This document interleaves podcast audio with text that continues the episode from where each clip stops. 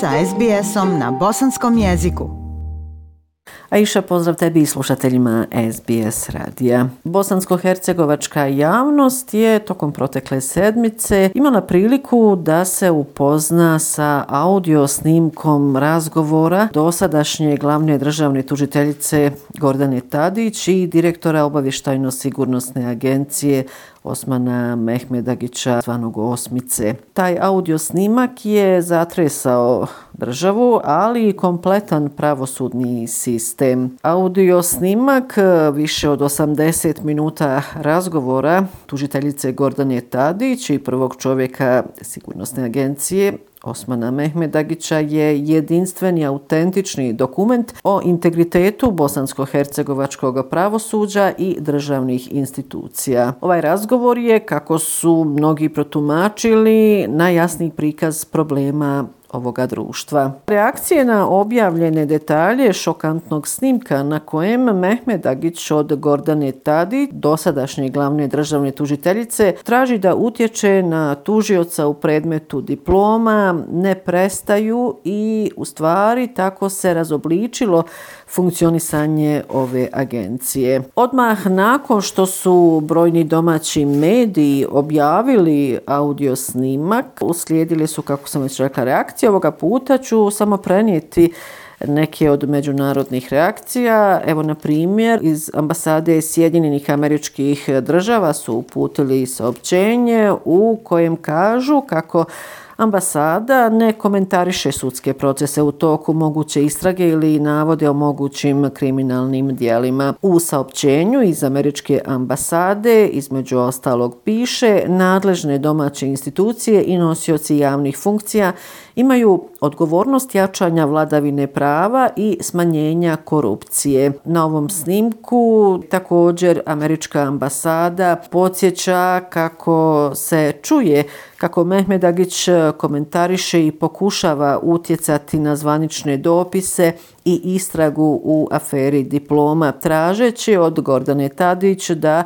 postupajućeg tužioca Olega Čavku stavi pod kontrolu. I šef delegacije Evropske unije u Bosni i Hercegovini Johan Sattler je reagovao na ovaj audio snimak i kazao je kako pokreće mnoga pitanja. Prije svega, integriteta nosilaca najviših funkcija u zemlji, pa tako naravno i pravosudne funkcije profesionalizma i profesionalnog rada te pokreće pitanje nezavisnosti djelovanja različitih organa vlasti, kazao je šef delegacije Evropske unije. U svojoj reakciji Transparency International u Bosni i Hercegovini podsjeća i da se ovo sve dešava dok u javnosti kruži dakle taj snimak, a iz kojeg proizilazi da se tužiteljica tužilaštva Bosne i Hercegovine Gordana Tadić sastajala sa direktorom OSE Osmanom Mehmedagićem u vrijeme dok je to tužilaštvo provodilo istražnje radnje u vezi sa njegovom diplomom, što samo produbljuje nepovjerenje javnosti u agencije za provođenje zakona. Niko ne bi smio koristiti funkciju koju obavlja kako bi vršio utjecaj na organe gonjenja, niti je preporučljivo da se glavna tužiteljica sastaje sa visokim funkcionerima dok se protiv njih vodi istraga. To je saopćeno iz Transparency Internationala Bosne i Hercegovine. Vrlo brzo nakon što je procurio ovaj audio snimak 23. septembra drugostepena disciplinska komisija Visokog sudskog i tužiteljskog vijeća Bosne i Hercegovine potvrdila je prvostepenu odluku kojom je Gordana Tadić razriješena te dužnosti. Kako je saopćeno iz Visokog sudskog i tužiteljskog Sudskog vijeća komisija je odbila kao neosnovanu žalbu glavne tužiteljice. Međutim, riječ je o nepravomoćnoj odluci jer Tadić ima pravo da se žali Visokom sudskom i tužilačkom vijeću koje mora dati konačnu riječ. A kada je riječ o prvostepenoj odluci, dakle prema odluci disciplinske komisije, Gordana Tadić je počinila prekršaje nemar ili nepažnja u vršenju službenih dužnosti i propuštanje iz neopravdanih razloga da postupi u skladu sa odlukama, naredbama ili zahtjevima vijeća zakona o Visokom sudskom i tužilačkom vijeću Bosne i Hercegovine. Iako je potvrđena odluka o razrješenju Gordane Tadić, riječ je o nepravomoćnoj odluci Dakle, Gordana Tadić ima pravo žalbe. I upravo je to za ovdašnje medije potvrdio njen advokat Vlado Adamović. Evo, poslušajte šta je Vlado Adamović kazao za medije. Obistinilo se ono što je najavio davno predsjednik Visokog sudskog i tužilačkog vijeća da će konačnu odluku o premještanju sa mjesta glavnog tužioca na mjesto tužioca donijeti vijeće u punom sastavu. Dobio sam odluku kojom je potvrđena prvostepena odluka. Sadržinom te odluke ja nisam zadovoljan, nisu se oni posebno trudili u tom pogledu, ali obzirom da sad imamo pravo samo na žalbu na odluku o sankciji, taj dio ću posebno obrazložiti u žalbi i tražiti da se ta sankcija promijeni, jer ta sankcija, ponavljam stalno, nije odraz kriterija koje je propisalo vijeće, nego pogrešno utvrđenog činjeničnog stanja i paušalnog i arbitrarnog odlučivanja.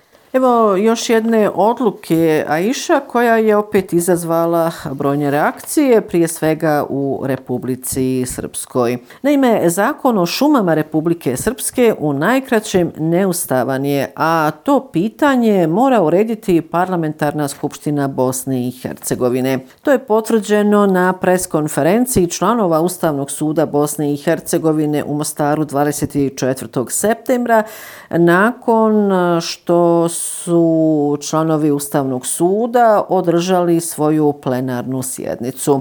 Na preskonferenciji članovi Ustavnog suda su na neki način i pojasnili svoju odluku i prije svega se novinarima obratio Mato Tadić, predsjednik Ustavnog suda Bosne i Hercegovine, koji je kazao da su šume kao i poljoprivredno zemljište tamo gdje jesu, niko ih ne prenosi fizički, upravlja kao i do sada, a u našoj složenoj situaciji mora se voditi računa o tome da postoji sporazum o sukcesiji, da sukcesor nije federacija kao ni Republika Srpska, već je država sukcesor. Istakao je e, predsjednik Ustavnog suda Bosne i Hercegovine Mato Tadić. Evo, u ostalom poslušajte njegove riječi sa preskonferencije. Šume su kao i poljoprivredno zemljište tamo gdje jesu, niko ih ne prenosi fizički.